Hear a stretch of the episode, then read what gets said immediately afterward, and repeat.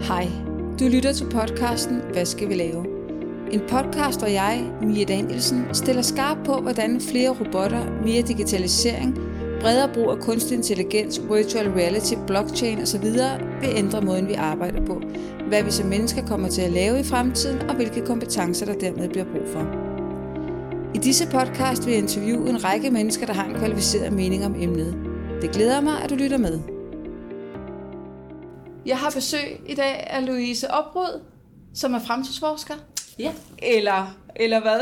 Du må Eller hellere fortælle dig lidt om dig selv. ud i, i fremtiden. Ja. Altså øh, ser på mange af de signaler, der er gode pejlemærker på, hvor er verden på vej hen i de kommende år. Ja. Det, bliver sådan, det bliver vigtigere og vigtigere for os, at vi øh, ser meget nysgerrigt på nogle af de her signaler, fordi de bevæger sig med en anden hastighed, som vi jo har snakket rigtig meget om i de, i de seneste år. At den her Ja. store digitale transformation, den virker så voldsom, fordi at hastigheden, den bevæger sig med, kan overraske brancher, industrier og mennesker. Ja. Så det her med, at vi er endnu mere nysgerrige på, hvad er det, der måske kan blive til noget i de kommende år, Ja. øh, det, er, det er det felt, jeg, jeg ligger i og kigger er nysgerrigt ud på, på verden fra. Og, og hvad er din baggrund? Hvad har du, hvad, er hvad, hvordan kigger du nysgerrigt på det?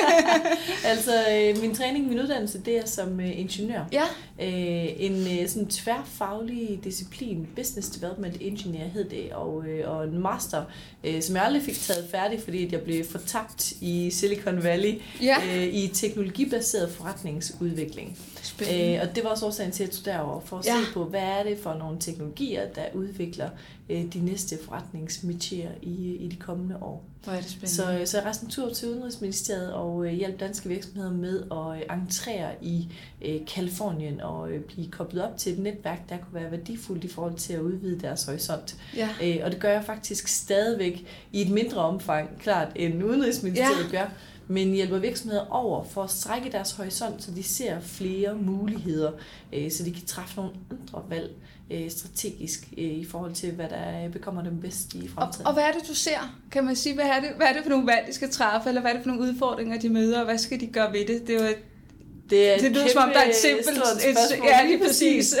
Øh, men det er jo et vanvittigt vigtigt øh, spørgsmål. Altså man kan sige, noget af det, der bliver mere og mere væsentligt i de kommende år, øh, det er, at virksomheder forstår DNA'en af det digitale. Man kan sige, Ja. øh, holder man det industrielle og det digitale op imod hinanden, øh, så i industrialiseringen, jamen der handler det om for en producerende virksomhed at producere mange ens objekter. Mm.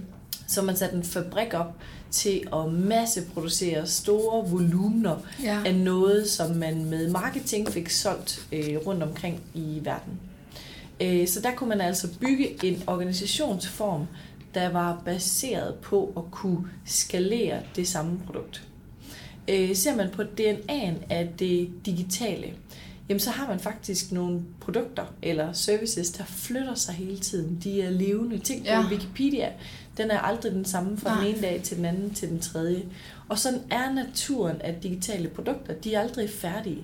De skal altid opdateres, mm. og Mhm. de kan opdateres, og de kan ændre sig og udfolde sig.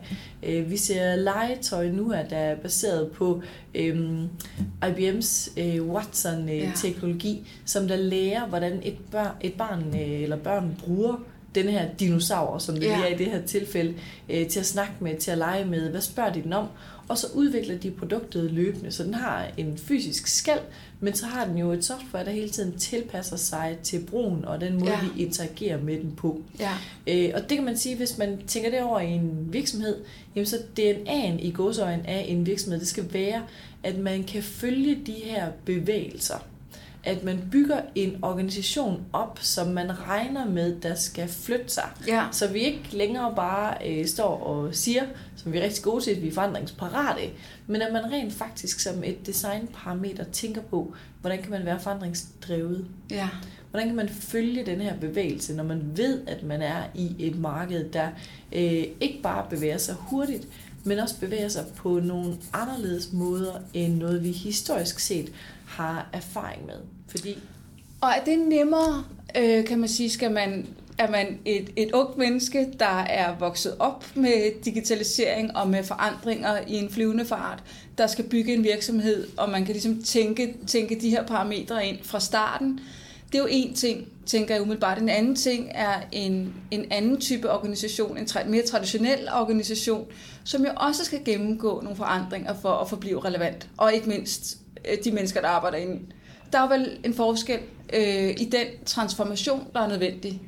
Ja, altså det, det vil der være, ja. det er klart. Øhm, fordi der er jo forskel på, hvad man vokser op med. Hvad Ja. er for nogle redskaber, man bruger. Øh, hvad man finder naturligt. Mm. Øh, hvordan man er vant til at arbejde. Øhm, så det er klart, at nogle af dem, der øh, står med begge ben plantet i øh, digitale redskaber og tools og virtual reality og Internet of Things og Ja. øh, robotter og kunstig intelligens, at der vil det måske føles mere naturligt, at man bruger de redskaber, som teknologien i virkeligheden bare er, Ja. til at skabe værdi med. Ja. Så man kan sige, at virksomheder, der ikke kommer ud af digitaliseringen, men kommer ud af industrialiseringen, de øh, skal jo gennemgå en proces, hvor man lærer, og hvor man forstår den her Ja. nye verden. Ja. Hvor man ser den, hvor man interesserer sig for den, øh, og hvor man stiller sig selv en række spørgsmål til de her forskellige teknologier. Altså Mm. øh, kunstig intelligens for eksempel. Er det nok, at det er bare noget, vi har en interesse for? Altså at vi sådan holder øje, om Ja. der sker et eller andet derude. Ja. Øh, bør vi opbygge en viden omkring kunstig intelligens internt, og hvis ja, hvordan gør vi det? Hvem er det, vi har? Øh, bør vi have nogle piloter? Kunne Ja. man forestille sig, at man skulle begynde at arbejde med det internt til at effektivisere, eller Ja. eksternt til at skabe ny værdi, eller man kunne forestille sig, at man har chatbotter, eller Ja. øh, hvad nu end det er, man vil bruge den her intelligens til. Øh, eller skal man rent faktisk opbygge kompetence, så ens virksomhed den er drevet af og baseret på øh, den her teknologiske platform. Ja. Så du ved, man skal ligesom stille sig selv nogle spørgsmål ja. til øh, de teknologier, der er derude. Hvad er det, de kan? Ja. Og hvad betyder det for os? Betyder det, at vi skal selv kunne skabe med de her teknologier? Ja. Eller skal vi kunne omsætte dem og anvende dem og bruge dem på, øh, på nogle nye måder? Og hvordan oplever du, at, at danske virksomheder, det er meget, meget bredt, kan man sige, men hvordan oplever du den, kan man sige, parathed og ageren på de her udfordringer? Nu har du brugt en hel del og bruger stadig en, en del tid i Silicon Valley. Hvordan oplever du egentlig Danmark i forhold til, at vi med, eller er vi langt bagefter, eller hvordan ser du det? Altså, øh, jeg, jeg synes, vi er fantastisk godt med. Jeg synes, vi har enormt mange spændende, fede startups, Ja. og øh, vi har en villighed til, at vi vil øh, vi vil kunne være med til at definere den her øh, nye æra. Så, Ja. så det synes jeg, vi klarer helt vildt godt. Fantastisk. Øhm, det kan være svært at sammenligne med øh, lige præcis Silicon Valley som område, fordi Ja. man kan sige, det der gør det område øh, så særligt, det er menneskerne, der er samlet derovre. Ja, Øh, der er virkelig en så stor kritisk masse af mennesker, øh, der har verdens vildeste idéer. ja, Altså, og når Ja. du møder en person, øh, det er federe at have en idé, der lyder fuldstændig sindssyg, end omvendt. jo vildere jo bedre. Jo vildere, jo bedre. Altså ja. folk de fortæller gladeligt om, øh, for eksempel for, øh, for godt et års tid siden, øh, der rejste jeg sammen med øh, Dubai Space Center øh, over for at kigge på kommercialiseringen af luftrummet, hvordan private aktører Ja, begynder at springe ja, ja, ind på det her felt. Øh, og der står vi ude hos en virksomhed, der hedder Made in Space, der ligger på øh, NASA Ames. Ja. Øh, og Jason, som vi mødte med, mødtes med derude, han, øh, han står og siger til os, ja, nu har vi fundet ud af, at når vi printer ting i rummet, de laver små 3D-printer, som de sætter på NASA's øh, rumraketter, Ja. fordi at det, det koster jo enormt mange penge at sende øh, vægt med ud i rummet. Så selve det, at man kan 3D-printe i rummet Det er efter behov, det sparer dem fantastisk mange penge. Ja. Men så har de fundet ud af, når de printer ting ude i rummet, at så får det faktisk nogle andre øh, fysiske øh, egenskaber. Ja. Så han sagde, at vi har blandt andet fundet ud af, at når man printer øh, 3D, nej undskyld, når man 3D-printer fiberoptiske kabler, altså øh, det, som selve internettet løber igennem, Ja. så krystalliserer det faktisk på en bedre måde. Ej, er det Så helt... kablet bliver mere klart, og signalet kan Okay. løbe tydeligere fra øh, den ene ende til den anden ende. Ja. Og det er der jo ret mange, der gerne vil betale for. Ja. Så han stod og sagde, ja, nu snakker vi faktisk om herinde på kontoret. Kunne man forestille sig at lave en off-earth factory? Ej. Øh, og for mange, der lyder det der jo fuldstændig sindssygt. Og Ja. han stod med de største stjerner i øjnene Ja. og sagde, tænk nu, hvis vi rent Ja. faktisk kan det. Hvis Ja. vi vil skabe noget, som ingen har skabt før, og Ja. ja. begynde at have fabrikker ude i rummet, hvor han jo øh, grinede lidt og sagde, at øh, huslejen, den er jo øh, relativt billig for lige så mange kvadratmeter, man gerne vil Ja, have. det må man sige. Så, Så, der, er nok, øh, der er nok kvadratmeter. Lige præcis. Så selve det med, at der er så mange mennesker over, der tænker nogle så store og så vilde og så øh, nye tanker, fordi at hele noget. området, det er, øh, altså, det er lagt an til udvikling. Ja, Og det tror jeg virkelig, at det er det, man kan lære af det derovre. Ja. Altså, det er selve mindsetet. ja, Øh, det er selve det med, det er fint nok at tænke bundlinje, men i stedet for at koncentrere sig om at tænke toplinje. Ja. Altså, I stedet for at tænke, hvordan kan vi gøre tingene øh, smartere og hurtigere, hvordan kan vi så også gøre det bedre Ja. ja. og vildere på en måde, Ja. ja. vi ikke har gjort Ja. før. Øh, og man Ja. kan sige, at der er sådan fire hjørnesten, øh, som teknologien næsten altid forandrer. Altså, teknologien den giver os nogle nye måder at gøre tingene på. Mm, Øh, og teknologien ændrer prisen på ting. ja, Det ændrer hastigheden på ting. ja, Og så giver det os nogle ting, vi dårligt nok kan forestille os Ja. endnu. ja, Øhm, og man kan sige, at derovre der ser man enormt mange spændende, fede, nye teknologier og forretningsmodeller, der jo altså mødes i Ja. øh, det, vi kender som nogle af verdens øh, så, største og mest så skal det næsten øh, blive vildt, ikke? Så, så skal det Jo, blive, præcis. blive godt øh, også. Og, og så man selvfølgelig sige, at den tredje del af verdens venturekapital, den er også derovre, så Ja. risikoinvesteringerne i rent faktisk at kunne få det her til at lykkes, øh, den er på plads. Og så Ja. er nogle af verdens bedste universiteter, så vidensniveauet det er exceptionelt højt. Ja, mega spændende. Hvis så vi kigger på, på de her mennesker inde i virksomhederne. Ja. Og, og som du sagde før, så er der nogen, som er, er vokset op, øh, de er ikke på arbejdsmarkedet nu, dem der er vokset op med denne her dinosaur, øhm, der er drevet af kunstig intelligens, men, men trods alt, der er nogen, der er, kan man sige, mere øh, digitalt indfødt end andre ude på arbejdspladserne. Ja. Og, og nogle af de virksomheder, de arbejder i, de vil jo udvikle sig. Ja. Øh, nogle vil måske, hvis ikke de udvikler sig, vil de dø. Ja. Øh, men, men for at, at kunne udvikle sig, så skal medarbejderne jo være med, kan man sige. Øh, så hvilke kompetencer vil det kræve i fremtiden? Hvad, hvad ser du der? Hvilke, hvilke kompetencer får vi brug for i fremtiden? Altså hvis man sådan faktisk spoler lidt tilbage i dit spørgsmål og ser Ja. på øh, jamen, automatisering og kunstig intelligens og robotter, kommer øh, til at ændre de fleste jobs. Ja.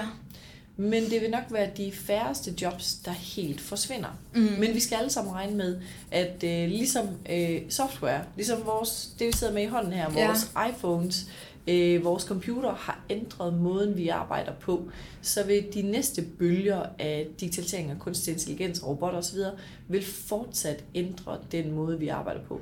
Og det har vi jo vendet os til, kan man sige. For nogle år siden, så sendte man en fax. Det, ja. Det er der ikke så mange, der gør mere. Så der har vi jo vendet os til at udvikle os med, og det er jo gået meget godt. Så er det bare sådan en, kan man sige, en naturlig forlængelse af det? Eller vil det gå hurtigt og blive vildere? Nej, ja. Det vil helt sikkert øh, både gå hurtigere og blive vildere, Ja. fordi at vi ser kunstig intelligens for eksempel træde ind på nogle métier lige nu øh, med en ret stor hast. Altså øh, for eksempel en af mine yndlingscases i tiden, øh, det er advokaterne Ja. versus algoritmerne. Ja. Øh, der var en øh, artikel for ikke så længe siden øh, gengivet på øh, DR.dk faktisk, hvor man kunne læse om øh, 20 advokater, der havde stillet op i en test. Øh, de fik udleveret fem NDA'er, de her Non-Disclosure Agreements, Ja. øh, som det sådan er en del af en advokats standardarbejde, at man læser den her igennem for at sikre sig, er der nogen fejl, eller er der noget, vi skal ændre, for Ja. at øh, kontrakten den står øh, skarpt, som den skal. Øh, og der er plantet 30 fejl hen over øh, de her 11 sider, som hver NDA fyldte. Ja. Øh, så de fik dem udleveret, og øh, de klarede sig helt vildt godt. De fandt øh, 84 procent af de her øh, plantede fejl, og i Ja. snit der gjorde de det på øh, 92 minutter. Okay. Øh, så det er godt arbejde, og det er lavet til tiden, og de fandt jo som sagt Mm. langt størstedelen af fejlene. Øh, så gav man de her NDA'er til en algoritme, ja. og bad den om at gøre det samme. Øh, den fandt lidt flere af fejlene, ikke alle sammen, men den fandt 95 procent af fejlene, og den læste så de her NDA'er igennem på 26 sekunder. Sådan. Så Og skal det vi ikke, så det ligesom store spørgsmål, skal vi ikke bruge nogle advokater i fremtiden? Jo, men det skal vi jo i den grad, Ja. men øh, naturen og det, de laver, den vil jo ændre sig, ja. fordi at øh, en NDA, det er jo ligesom en, øh, en standardopgave. mm. Og det er jo her, hvor vi ser kunstig intelligens og robotter øh, stå rigtig skarpt og stærkt lige i de her år. At de opgaver, som der har meget repetition og meget gentagelse, der er bygget op over, ligesom i det her tilfælde, et rammeværktøj, eller altså en eller anden forståelsesramme, som øh, den kan agere i. Ja. De typer af opgaver, de kan automatiseres. Ja. Så man kan sige, at mange af dem, der arbejder selv med mellemlange uddannelser, øh, der laver noget arbejde, der har stor repetition, der handler om gennemlæsning af ting, udformning af kontrakter, øh, legal work, øh, om det er revision, bogholderi osv., der vil der komme en masse forskellige redskaber, der vil kunne tage dele af det arbejde. Ja. Så specifikt for advokaten, jamen der kan han jo begynde at koncentrere sig øh, om nogle meget større opgaver, nogle øh, mere komplekse problemer. For vi kan sige, at i, øh, i fremtiden, det er ikke fordi, vi får en problemfri verden, altså Nej. tværtimod, men det vil være en anden måde at løse dem på, Ja. hvor man vil se en enormt stor effektivitet træde ind hos dem, der vælger at bruge kunstig intelligens øh, som måde at, at hjælpe dem på. Ja. Altså, der er øh, blandt andet en, jeg mener, den hedder Ross, den her øh, AI, der, øh, der hjælper øh, advokaterne, en, øh, en digital assistent, øh, som også kan klargøre øh, bevismateriale til en sag. Ja. Finde frem til, hvor er de vigtige ting, og så lave sådan et øh, brief øh, til advokaten, inden hun går ind i, øh, i retssalen. Så de opgaver, der så vil man kan sige, som mennesket med fordel Ja. kan, kan, kan tage sig af i fremtiden. Hvilke opgaver vil det være? Ja, man kan sige, at øh, sådan helt øh, overordnet set, så skal vi have et mindset, der er meget mere entreprenant. Ja, Det bliver en æra af at kunne omsætte de nye redskaber, altså den nye teknologi, til at kunne skabe ny værdi med. ja, Og det er jo sådan en startup opgave. Ja. Altså, så vi skal alle sammen være dygtigere til øh, innovation, ja, til kreativitet, ja, øh, til hele den her disciplin om at skabe ny værdi med øh, de her redskaber. Og det fordrer nogle andre ting i de profiler, vi skal lede efter. Altså, Ja. vi vil gerne have nogen, der er, i hvert fald dem, skal være med til at definere forretningen og virksomheden, øh, der kan se nye muligheder, der Ja. kan spotte det, der kan forstå teknologi, der kan Ja. omsætte det på, øh, på nye måder. ja, Øhm, og så skal vi jo, altså vi skal alle sammen have nogle nye forventninger til den kommende æra. Fordi og, at, og hvilke forventninger? vi skal i hvert fald forvente, at øhm, mange af de ting, som vi kalder for science fiction i dag, øh, dem kommer vi formentlig til at se i løbet af vores livstid. Ja. Altså i, i det interview, jeg lavede med øh, CTO'en for øh, Autodesk, øh, der sagde han, at sådan, hans mavefornemmelse den var, at vi de næste 20 år kommer til at se lige så meget tech progress, øh, som vi har i de sidste 2.000 Det er år. helt vildt. Og hvis det kommer til at ske, så kommer vi til at se nogle kæmpe store skift Mm. finde sted i de næste 10 og 20 år. ja. Og hvis vi forventer det, altså hvis vi går ind på øh, arbejdsmarkedet, ind i en karriere, ind i en virksomhed, ind i en rolle, og regner med, at det jeg laver næste år på samme tid, det er ikke det samme, som jeg lavede sidste Nej. år, så har vi allerede en indstilling og en attitude om, at vi skal lære helt vildt meget. Ja, Vi skal ikke øh, basere vores arbejdsgange og vores virksomheder på øh, den samme grad af rutine, som vi gjorde i industrialiseringen Nej. og på de samme systemer. Vi skal noget andet. Vi skal hele tiden være mulighedssøgende. Ja. Vi skal hele tiden ud og være nysgerrige på, hvad sker der rundt omkring i verden? Hvordan er nye måder at, øh, som en af de populære credoer hedder, øh, add value, lose friction. Altså, hvordan Ja. kan vi skabe ny værdi og gøre det lettere for brugere og borgere og Ja. øh, for dem, vi gerne vil være noget for i den her verden. Og så igen, for det lyder jo simpelthen så spændende alt det her. Og når jeg så igen tænker tilbage på den, på den enkelte medarbejder, der ja. Sidder ude i denne her måske lidt traditionelle virksomhed, der har gjort, altså hvor man jo ja, udvikler sig og tager på kurser og lærer nyt, men, men meget af ens arbejde, øh, selvom man er højtuddannet og har rigtig meget erfaring, er måske ret lige det, man også gjorde sidste år, og måske endda også lige det, man gjorde for fem år siden i den type stilling. Ja. Der er nogen, der er mere innovative end andre. Der er nogen, der rigtig godt kan lide det her rutinearbejde, også på højt videnskabeligt niveau. Ja. Der er sikkert nogen, nu nævnte du øh, eksemplet med advokater, som rigtig godt kan lide at sidde og læse de her dokumenter og finde fejl, og som egentlig finder noget, noget glæde ved det. Øhm, hvor skal vi rykke dem hen, skulle jeg til at sige? Og, og hvis ansvar er det? Altså i yderste øhm, konsekvens, som man vil, der bliver det jo den enkeltes ansvar. Ja. Fordi vi kan ikke se endnu, øh, om vi når til et punkt, hvor vi har behov for sådan noget som borgerløn, for Nej. eksempel. Øh, hvis vi ser, at nogle industrier eller brancher, at de bliver så gennemautomatiseret, at der vil være alt for få jobs i forhold til, til dem, vi har i dag. Ja. Men det er jo vores allesammens ansvar, Ja. at vi holder os relevante. Ja. Så selve det at begynde at stille sig selv nogle spørgsmål, altså hvordan er jeg super relevant i den her Ja. ja. stilling, eller hvordan kan jeg skabe værdi Mm. om et, to, tre år? Hvad er der stadigvæk behov for? Ja. Øhm, og altså, der er sådan en, øh, et sjovt say, som øh, Jeff Bezos han havde på et tidspunkt, øh, hvor der var en, der spurgte ham øh, til en konference, hvad forandrer der sig for Amazon i de næste 10 år? Ja. Og så sagde han, jamen det der, det er, det er både det bedste og det værste spørgsmål overhovedet, fordi det er det, vi alle sammen gerne vil vide, Ja. men det er umuligt at vide. Ja. Så det er relevant at spørge sig selv om, det er, hvad har ikke forandret sig i de næste 10 år for vores brugere? Og så siger han, jamen for os i Amazon for eksempel, der vil det være utænkeligt, at folk de vil efterspørge øh, højere priser, færre varer og langsommere leverancer. Mm. Ja. Så vi ved ligesom, der er tre parametre, som vi skal performe på. Og det hedder jo selvfølgelig øh, hurtigere leverancer, billigere priser øh, og flere spændende Ja. produkter. Så hvis man ligesom kan begynde at se, jamen, hvor er det, man skaber værdi? Hvad er det, Ja. der fortsat vil være en efterspørgsel indenfor? Øh, I forhold til det job, man besidder, eller i forhold til den branche, man er i, eller Ja. den startup, man sidder i, eller den store organisation, man er i. Og man så begynder at tænke i, jamen, hvordan kunne man selv Ja. på individuel plan øh, skabe værdi inden for, øh, for den métier. Altså, ja. det handler om at være super proaktiv. Ja. Det handler om at øh, finde sit drive og øh, finde ud af, hvad man er passioneret indenfor. Ja. Fordi den måde, som tingene vil forandre sig på i fremtiden, den vil kræve vores passion i vores arbejde. Ja.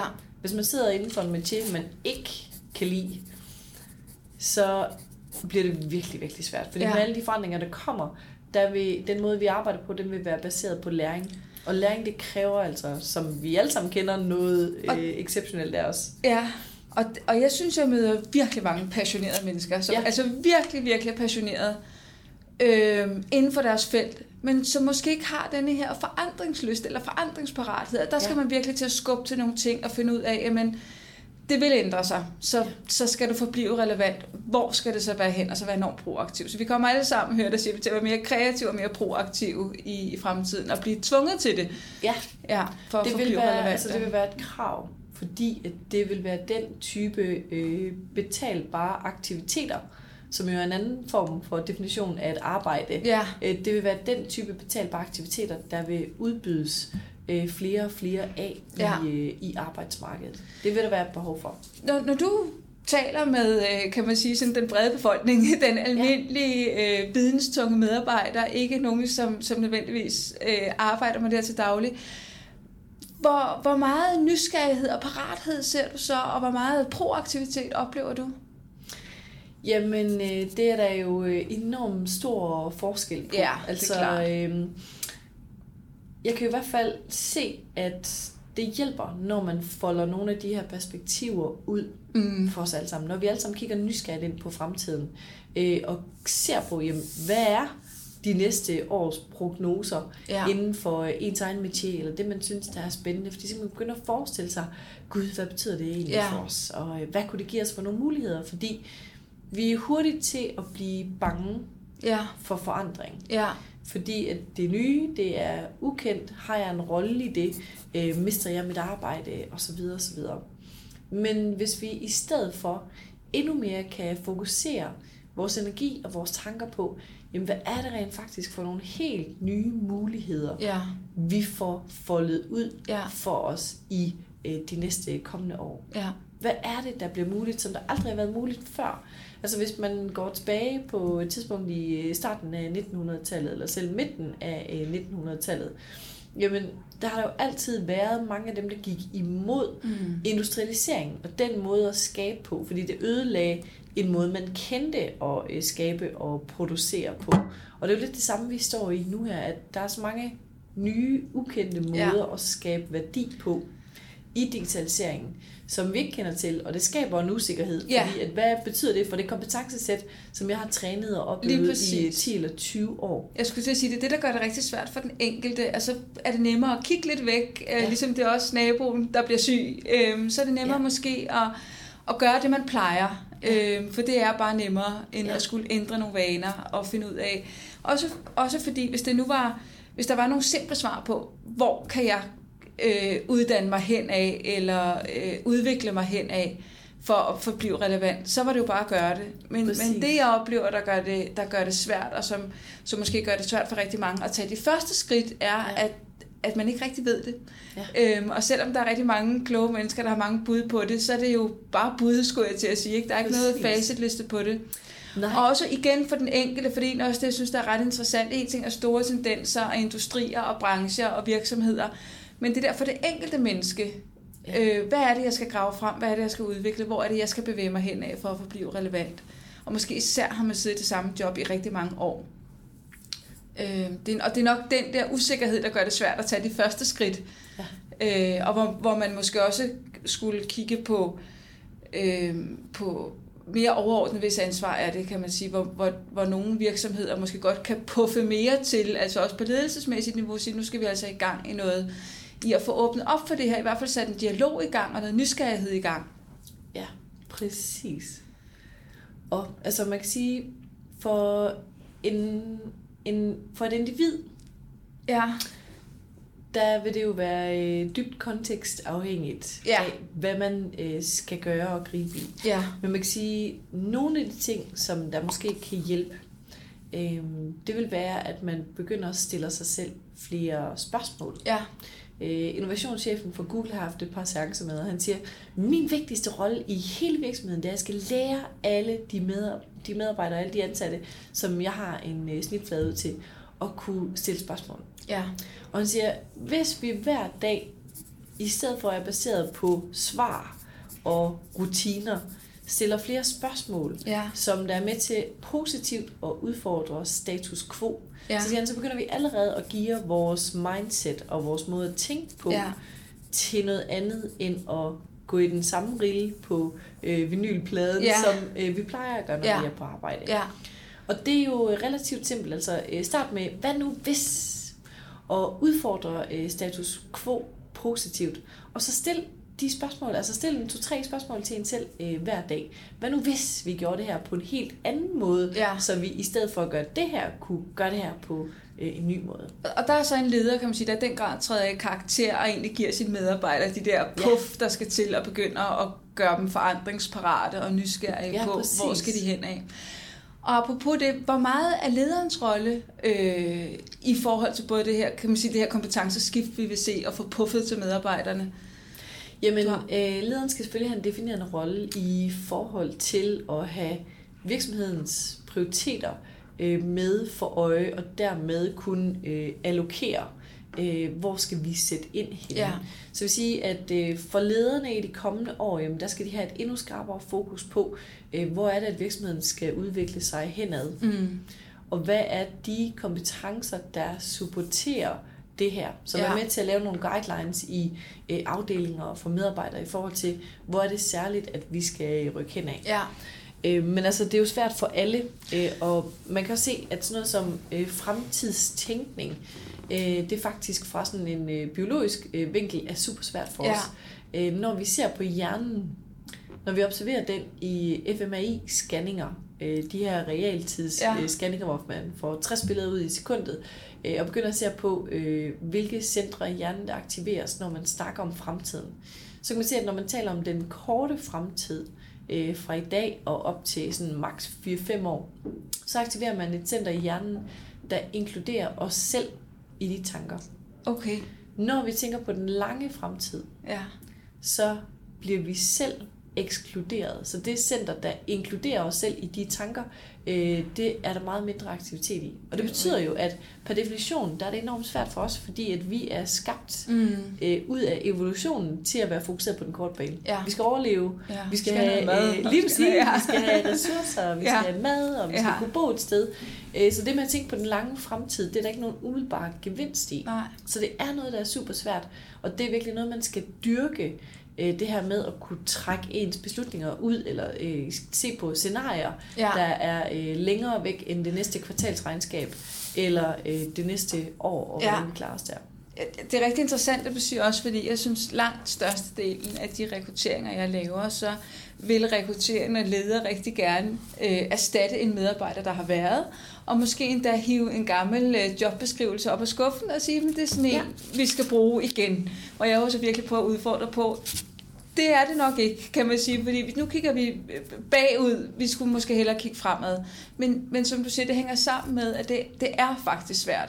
Ja. Og så kan man sige, øh, man kan godt lave en strategi og en masse visioner, men netop det her med, hvilke kompetencer har vi så brug for. Den relation kræver ret meget analysearbejde, hvor det igen måske så er nemmere bare at hive den gamle stillingsbeskrivelse frem af skuffen. Ja. Ikke? Og det er igen det der med, at vi hele tiden skal tvinge os til at ikke tage de lette valg, men tage de, jeg skulle til at sige, de rigtige valg. Det vil Ja, vi alle præcis. sammen gerne tage, men, men også tage dem der, som kan virke lidt uoverskuelige i Ja. virkeligheden. Der kan udfordre vores måde at tænke på, Ja. og der kan give os noget helt nyt, øh, der kan være med til at strække i vores øh, horisonter. Ja. Så sad lige og så øh, et talk faktisk lige inden vi skulle øh, skyde det her med øh, den øh, gamle øh, bestyrelsesformand øh, for Intel. Ja. Øhm, og han siger i det her klip til Bloomberg, at han regner med, at 40% af de top 100 virksomheder, der i dag topper verdens aktieindekser, at om 10 år, der øh, vil de ikke eksistere mere. Og det siger han, det vil ske på grund af det her, vi har talt om, at nye teknologier kommer til at kunne indfri nogle helt andre forretningsmodeller, som de her virksomheder, de ikke når at få fat på, Ja. og ikke kan omstille sig til at kunne skabe værdi indenfor. Og hvis han har ret i hans øh, forudsigelse, og det tror jeg faktisk et langt stykke hen ad vejen, at han Ja. ja. har, så kommer det bare til at betyde, at hvis man vil holde sig relevant, Ja. ja. hvis man vil beholde sin virksomhed, jamen så skal man hele tiden insistere på at designe den efter at være forandringsdrevet. Ja. Og når du siger det, så kommer jeg jo igen til at tænke på alle de mennesker, der arbejder i de her virksomheder, som så ikke eksisterer om 10 år. Og hvor Ja. skal vi gøre af dem, skulle jeg til at sige. Hvordan skal de være relevante for de virksomheder, der erstatter dem, som har et helt andet mindset, en helt anden måde at arbejde på. Der er altså en opgave der. ja der er en kæmpe stor opgave. Hvordan ser du, øh, det er der også meget snak om, vil det skabe flere jobs, eller vil der være færre jobs i fremtiden? Ja. Eller status quo? Hvor, hvordan ser du det? Øh, Jeg tror, at der vil, for dem, der har lyst til at arbejde og skabe værdi, Mm. fordi det er faktisk min definition på øh, arbejde, altså det er, at det er en værdiskabende aktivitet, Ja. som du på en eller anden måde kan monetisere. Ja. Der vil der altid være muligheder. Altså Ja. det har aldrig været lettere at være selvstændig eller Nej. at skabe en startup, end det er i dag. Aldrig. Nej. Vi har adgang til viden, der er helt ufattelig. Altså det er utroligt, at man kan samle sit øh, såkaldte lille vindue til verden op, Ja. øh, som man sidder med her i hånden, og så kan man søge på øh, alt fra Ja. øh, russisk øh, arkitektur i øh, slutningen af 1800-tallet øh, til gamle østkinesiske opskrifter til hvad end man har lyst til. Ja. Generative design. Du kan sidde hjemme i din stue og tage moduler af nogle af verdens dyreste og Mhm. bedste MBA's gratis. Ja. Du kan lære alt, hvad du vil. Så det er os selv, der vil være en begrænsning for os selv i fremtiden. Men vi skal finde vores passion. Ja. Og så skal vi finde ud af, hvad er det rent faktisk, vi har lyst til at udvikle os indenfor. For det kan vi. Det er et spørgsmål om læring. Ja. Det er et spørgsmål om at tage alt det, der ligger derude, og kunne lære det, og kunne omsætte det til noget, der skaber værdi for andre mennesker, hvad end det måtte være. Altså, Ja. man ser øh, sider som etsy.com, Mm. etsy.com, Ja. og pas på, for det er en tidsrøver, men det er virkelig sjovt Ja. slagsen, hvor øh, folk øh, laver håndarbejde. Så de sidder og øh, syr. Jeg har købt øh, halsbånd til min hund, Ja, ja. og man også kan købe puder lige præcis. ja. Man kan købe alverdens forskellige ting derinde. Og Ja. det er jo sådan en sjov platform, synes jeg, fordi det er i virkeligheden et øh, passionsvindue. Ja, Det er det, folk har lyst til at lave, som de laver, øh, når de er færdige med arbejde, så går de hjem og syr Ja. noget, eller laver et eller andet, Ja. eller øh, skaber noget, som de sælger i det her lille vindue.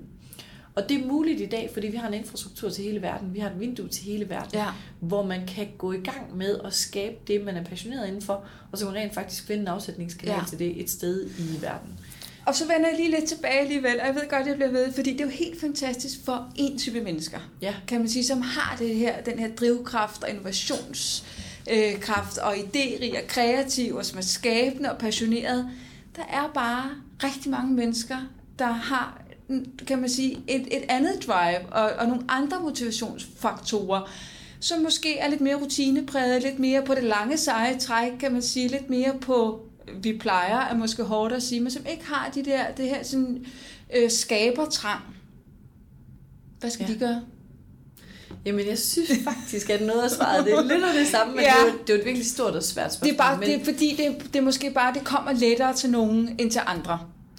man kan i hvert fald sige, at øh, det handler igen om øh, passionen. Altså, Ja. man skal være drevet af det, man gør, Ja, for at man har en trang til at forny sig ja, inden for det felt. ja, Fordi det handler om bevægelse. Ja. Altså at være i øh, bevægelse. Og det kan jo være, det kan være så mange forskellige ting inden for et væld af forskellige Ja. øh, brancher. Men det med at finde tilbage til, hvad er det, man virkelig øh, gerne vil lave? Hvad vil man lave alligevel, hvis man ikke fik penge for det, Ja. selvom det er en kliché at Ja. tale om. Men det vil være inden for det område, at man har lyst til at forny sig ja. og lære og se mere og blive inspireret. Ja. Og fange den inspiration og rent faktisk skabe et eller andet øh, med den.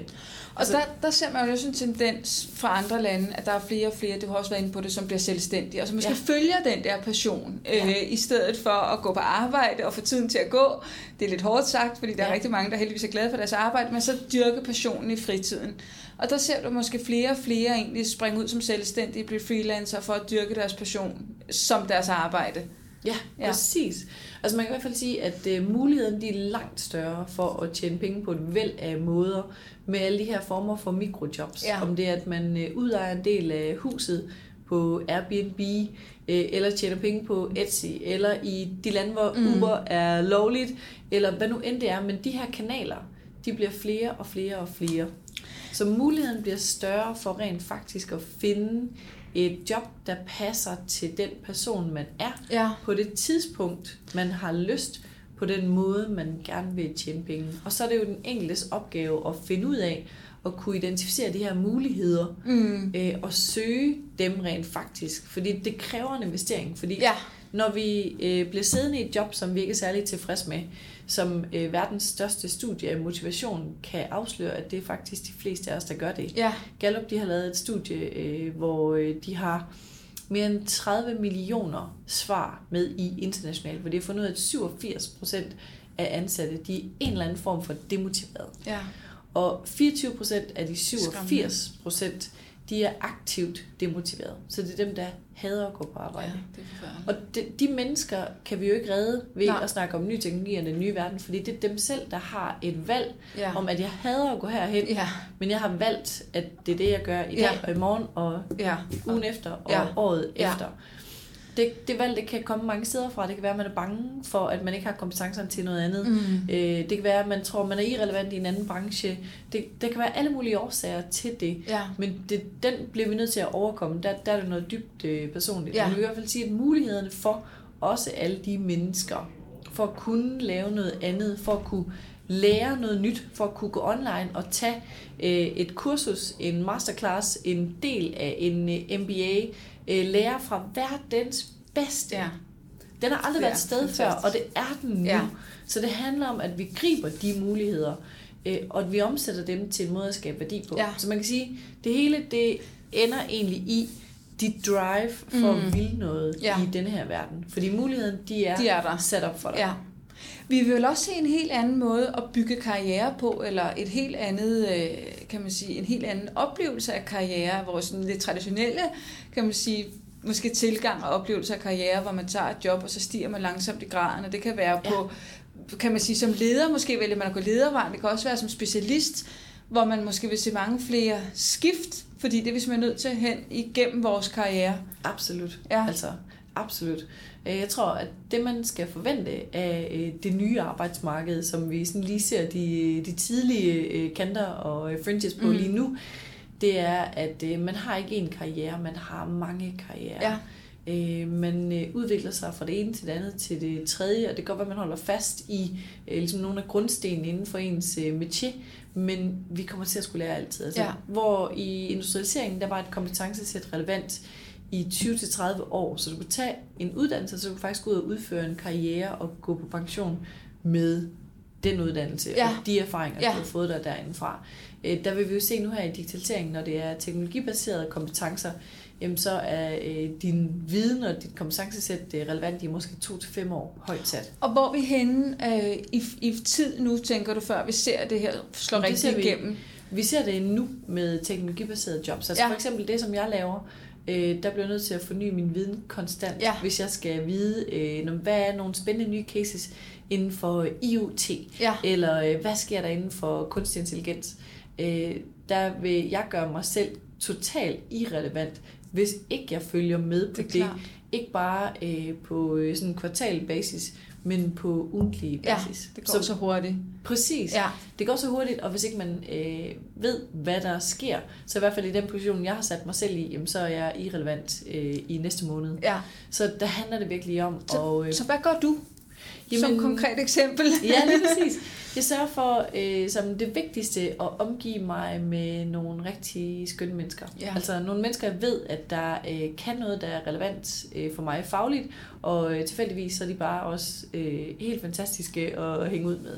Så jeg samler på gode, dygtige mennesker, øh, mødes med dem, øh, ligesom vi mødes lige Ja. her og folder et øh, emne ud, jamen sådan gør vi virkelig tit. Og Ja. vi er virkelig gode til at provokere hinanden Ja. og stille alle de her hvad nu hvis øh, spørgsmål. Ja. Altså øh, frokostsnakken på øh, kontoret inde på Der Disrupt, som jeg er en del af, øh, den øh, rækker tit til, at øh, vi snakker om øh, forskellige måder at transportere sig selv i rummet på, Ja. ja. eller hvordan man skaber og bygger med øh, månestøv i øh, 3D-print, eller øh, fremtidens mad, og øh, hvad man kan øh, med helt ny forskning inden for vand.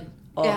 det er en helt snak, jeg ikke skal øh, få ud af, men det lyder Du lidt spændende. hvor, øh, hvor vi kigger i nogle retninger, som der er, sådan, er helt nye, og stiller selv en masse hvad nu hvis spørgsmål. Ja, Igen og igen og igen og igen og igen. så nysgerrigheden igen. Ja, præcis. Og, og selvfølgelig så med viden bag, for du har også mange fakta på plads, kan jeg jo godt høre, så det, det er selvfølgelig også... Ja, og det vil sige, det er den anden del af det. Altså, find de mennesker, du, kan, øh, du har lyst til at følges med.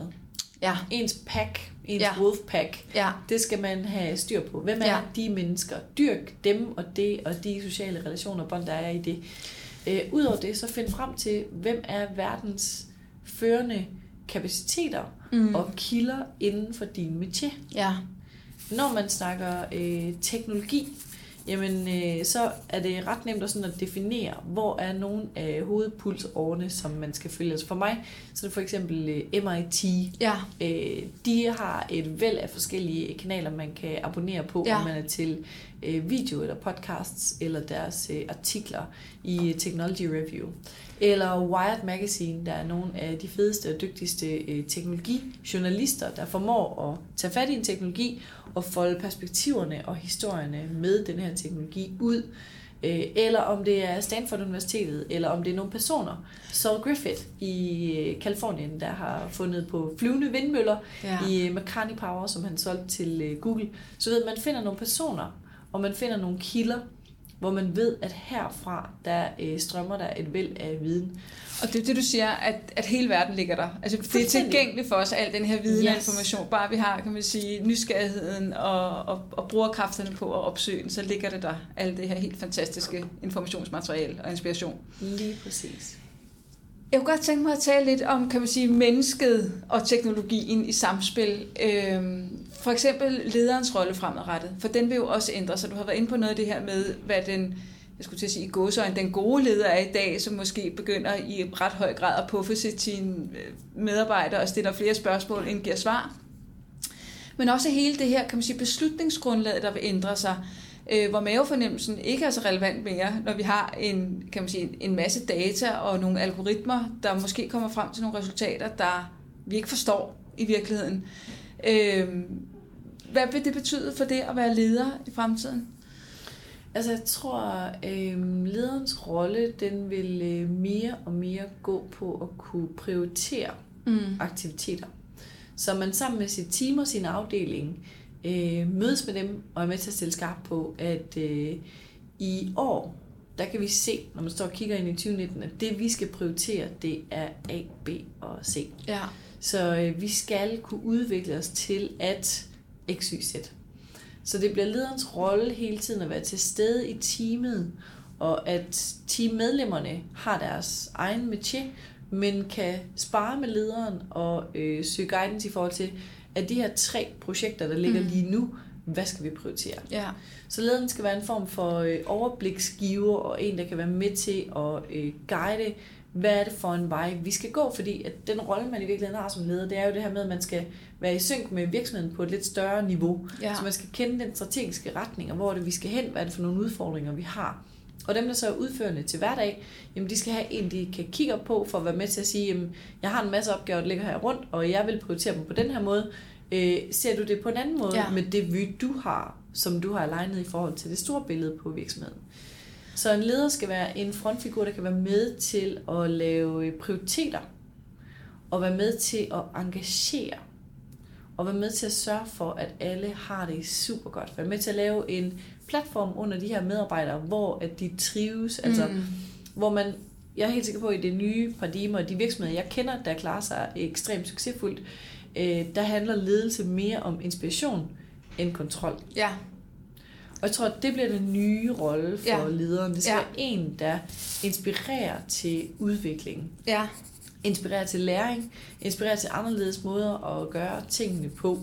Det er ikke en, der kommer rundt og kontrollerer, at man laver øh, X, Y, Z. Og det Nej. kommer der jo i øvrigt også øh, et væld af algoritmer og digitale Ja. assistenter, som der kan gøre. Ja. Alt fra øh, nogen, der øh, tjekker, hvor ofte vi er på e-mail og på de sociale systemer ja. som Slack, Ja. øh, til andre, der laver performance øh, monitoring øh, på tværs af virksomheden og forudser øh, salgstal og hvor godt man klarer sig og hvilke sælgere, der ikke kommer til at møde deres mål osv. osv. Og hvordan med at så skulle altså, bruge de her øh, data, de her algoritmer til at træffe reelle beslutninger på.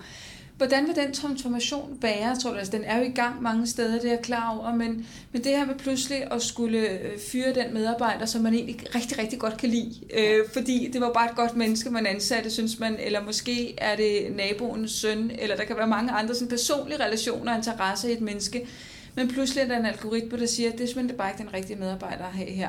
Hvor før der, og nu bruger vi jo også data og performance-målinger og alt muligt, men, men måske alligevel lidt blødere, og måske kan vi analysere lidt mere på det, og få det analyseret hen i en retning, ja. Vi godt kan lide at se, hvor det måske bliver mere knivskarpt. Ja, det gør det jo. Ja, og, Det vil jo, og, og øh, hvordan vil det være at håndtere det, tror du? Vil der være, igen vil der være, en, der er vel noget tilvændingstid, Ja. og det vil vel også gøre noget ved måden at agere på. Ja, og det bliver helt vildt svært, fordi Ja. at øh, nu, jamen, der ved man jo, at de mennesker, der minder om os selv, Mm. det er dem, vi bedst kan lide. Ja. Fordi det er nemt, og de provokerer os ikke, og de udfordrer os ikke på samme måde. Øh, og det ved man jo også altså fra øh, bias inden for, øh, for hele det felt, som Ja. øh, du sidder i. At det Ja. ja. ved man jo, at Ja. øh, der er masser af bias i måden, man ansætter på. Ja. Så når Nike for eksempel begynder at bruge øh, Higher View som Mm. deres algoritme, øh, hvor man øh, har en videosamtale med en øh, medarbejder, og de bliver stillet en masse spørgsmål, som de skal svare på, og den vurderer dem på et væld af kriterier, Ja. som det er fuldstændig umuligt for et menneske at kunne vurdere et andet menneske på. Ja, Øh, så er algoritmen med til at lave meget mere nuanceret vurdering af, ja. vil den her person rent faktisk være et godt fit med den stilling, som vi udbyder. ja, Og øh, der vil vi jo få de her øh, algoritmer, der giver os nogle svar, som der måske ikke var de svar, vi selv havde valgt. Altså Ja, vi ville have valgt den anden person, Ja, fordi præcis. den her person havde meget mere charme, ja, og den her person virkede måske meget mere kølig, Ja. men var den rigtige til at sidde i en analytisk position i øh, virksomheden. ja, Øh, Så der vil helt sikkert være en del gange, hvor øh, vi skal, eller hvor i hvert fald står med et paradoks, fordi Ja. ja. vi skal vælge, øh, måske mod vores intuition, øh, og vælge det, som vi har datapunkter på, vi kan Ja. se, at der er rigtigt. Ja. Øhm, på den anden side, så vil vi se øh, nogle steder, hvor vores beslutningsgrundlag øh, bliver langt, langt, langt bedre Mm. mm. og langt mere nuanceret. Øhm, direktøren Mark Bernioff i Salesforce, øh, han bruger for eksempel som del af hans bestyrelsesarbejde en algoritme, de selv har bygget, der hedder Einstein. Og øh, Einstein, den sidder med data øh, fra virksomheden og fra virksomhedens marked. Så i bestyrelsesmøder, der kan de sidde og stille en spørgsmål omkring, øh, hvordan går det internt med vores salg, hvordan performer vores eksterne konkurrenter, hvordan XYZ, Ja. så ved, den sidder rent faktisk og er et analyseapparat, som de Ja. kan sidde og tale med. Så han har selv udtalt, at til hans bestyrelsesmøder, at der spørger han den her algoritme. So Einstein, what do you think we should decide for this decision in X, Y, and Z direction? Øh, og så bruger han det input, som de kommer med. Så der har man jo altså ligesom en slags loop, Ja. man kan holde hen over en masse beslutninger, og være med til at se, jamen øh, her er dataen, der viser det her. Hvad skal vi så gøre? Ja. Øhm, så man kan sige, at vi vil blive backet op af data på alle mulige øh, måder i de kommende år, der kan vise os nogle, øh, nogle retninger. Ja, tiden er ved at være rent. Desværre, vi kunne tale i timevis, Louise, Ja. men uh, tusind tak for din tid. Jeg har mange, mange flere spørgsmål, men uh, det må vi tage en anden Det kan gang. være, at vi laver en opfølgning på det. Det kunne bare være rigtig skønt. Tusind tak for din tid. Selvfølgelig.